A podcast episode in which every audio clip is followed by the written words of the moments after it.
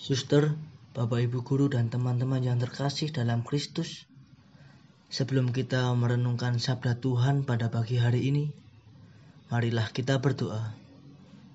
Dalam nama Bapa dan Putera dan Roh Kudus. Amin. Tuhan Yesus Kristus, kami mohon rahmat-Mu agar kami mampu merenungkan sabdamu pada pagi hari ini.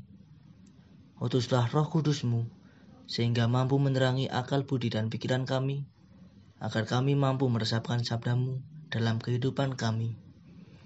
Demi Kristus Tuhan dan pengantara kami. Amin.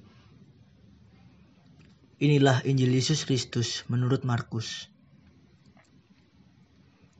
Pada suatu hari, Yesus yang bangkit dari antara orang mati menampakkan diri kepada kesebelas murid dan berkata kepada mereka, Pergilah ke seluruh dunia, beritakanlah Injil kepada segala makhluk. Siapa yang percaya dan dibaptis akan diselamatkan, tetapi siapa yang tidak percaya akan dihukum. Tanda-tanda ini akan menyertai orang-orang yang percaya. Mereka akan mengusir setan-setan demi namaku. Mereka akan berbicara dalam bahasa-bahasa yang baru bagi mereka. Mereka akan memegang ular dan sekalipun mereka minum racun maut, mereka tidak akan mendapat celaka. Mereka akan meletakkan tangannya atas orang sakit, dan orang itu akan sembuh. Sesudah Tuhan Yesus berbicara demikian kepada mereka, terangkatlah ia ke surga, lalu duduk di sebelah kanan Allah. Mereka pun pergi dan memberitakan Injil ke seluruh penjuru, dan Tuhan turut bekerja dan meneguhkan firman itu dengan tanda-tanda yang menyertainya. Demikianlah Injil Tuhan. Suster, Bapak Ibu guru dan teman-teman yang terkasih dalam Kristus. Hari ini dalam bacaan Injil, Yesus memberikan pesan kepada kita semua untuk memberitakan Injil kepada segala makhluk.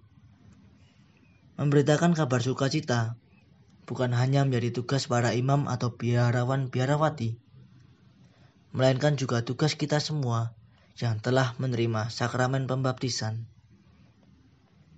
Kita dipanggil untuk memberitakan Injil di dunia kita masing-masing, apa pun profesi kita, baik itu sebagai ibu, ayah, anak, guru, maupun murid. Memberitakan Injil bukan berarti kita harus menghafal banyak ayat di kitab suci. Memberitakan Injil di sini adalah mewartakan kasih Allah yang kita alami setiap hari.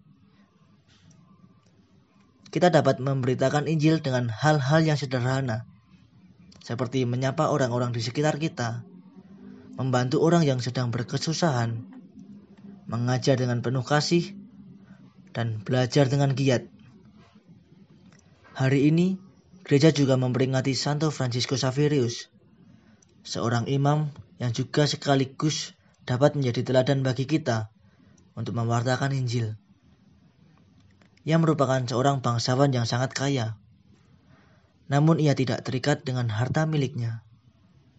Bahkan memutuskan untuk meninggalkan semuanya itu demi mengabdi dan melayani Tuhan. Karena cintanya yang besar akan Tuhan, ia pergi untuk mewartakan Injil ke berbagai penjuru dunia. Semoga bacaan Injil hari ini dan teladan Santo Francisco Xaverius memberikan semangat bagi kita untuk setia menjadi pewarta sabda Allah bagi sesama.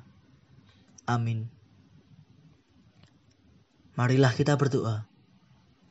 Ya Tuhan Yesus, tuntunlah kami supaya kami selalu menjadi utusanmu yang setia, taat dan bersemangat mewartakan Injilmu kepada sesama melalui kesaksian hidup harian kami. Amin. Dalam nama Bapa dan Putera dan Roh Kudus. Amin.